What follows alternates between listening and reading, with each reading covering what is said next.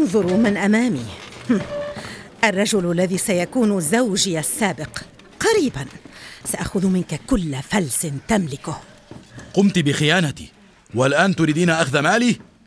محامية سيعلم القاضي بالحقيقة. يا للبراءة. انظر. ربما سأكون لطيفة وسأترك لك القليل. انتباه. وصلت القاضية منى تفضلوا اجلسوا. نحن هنا لإنهاء تسوية طلاقكما. المدعى عليه. هيا ابدأ. سيدتي تزوجتني للمال فقط. بدأت بخيانتي بعد زواجنا فورا. ليس صحيحا. لطالما كنت مخلصة له واستثمرت كل جهدي في زواجنا. لا لا تصدقيها. لديها تاريخ في فعل هذا. سيدتي في الحقيقة لقد جرحني بشدة وأفسد زواجنا لذا أشعر أنني أستحق أن آخذ منه مئة بالمئة من كل ما يملك. إنها لا تستحق قرشا واحدا. اهدأ اهدأ. قلت إن لها تاريخا في فعل هذا. هل معك أي دليل؟ أجل وهو مع المحامي.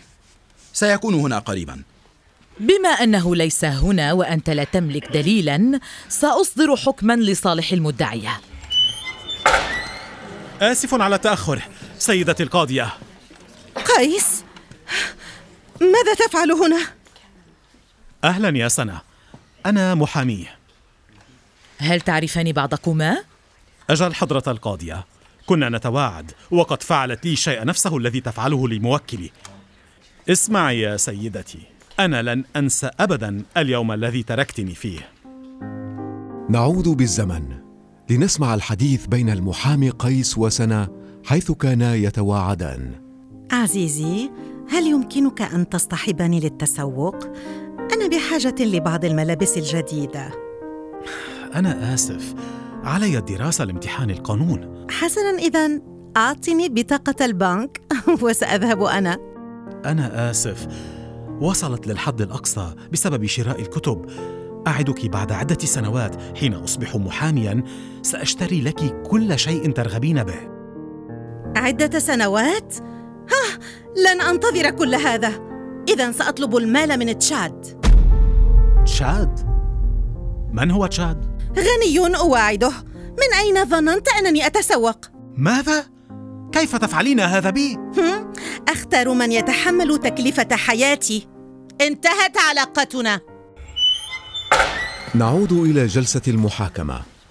كان هذا بمثابة اعتراف أو شهادة من قبل المحامي يروي فيها ما حصل معه منذ عشر سنوات. كما سمعت يا حضرة القاضية قامت بخيانتي كما فعلت مؤخرا مع موكلي.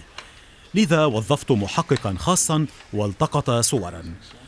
هذه الصور سيدتي القاضية تظهر المدعية وهي تخون موكلي بكل وضوح. ليس ذنبي أنه لم يتمكن من تحمل تكلفة حياتي. لو امتلك المزيد من المال ما كنت لأخونه. هدوء هدوء. رأيت كل شيء أحتاج لرؤيته. سأصدر الحكم وهو بالطبع لصالح المدعى عليه. المدعية لا تستحق أي قرش. رفعت الجلسة.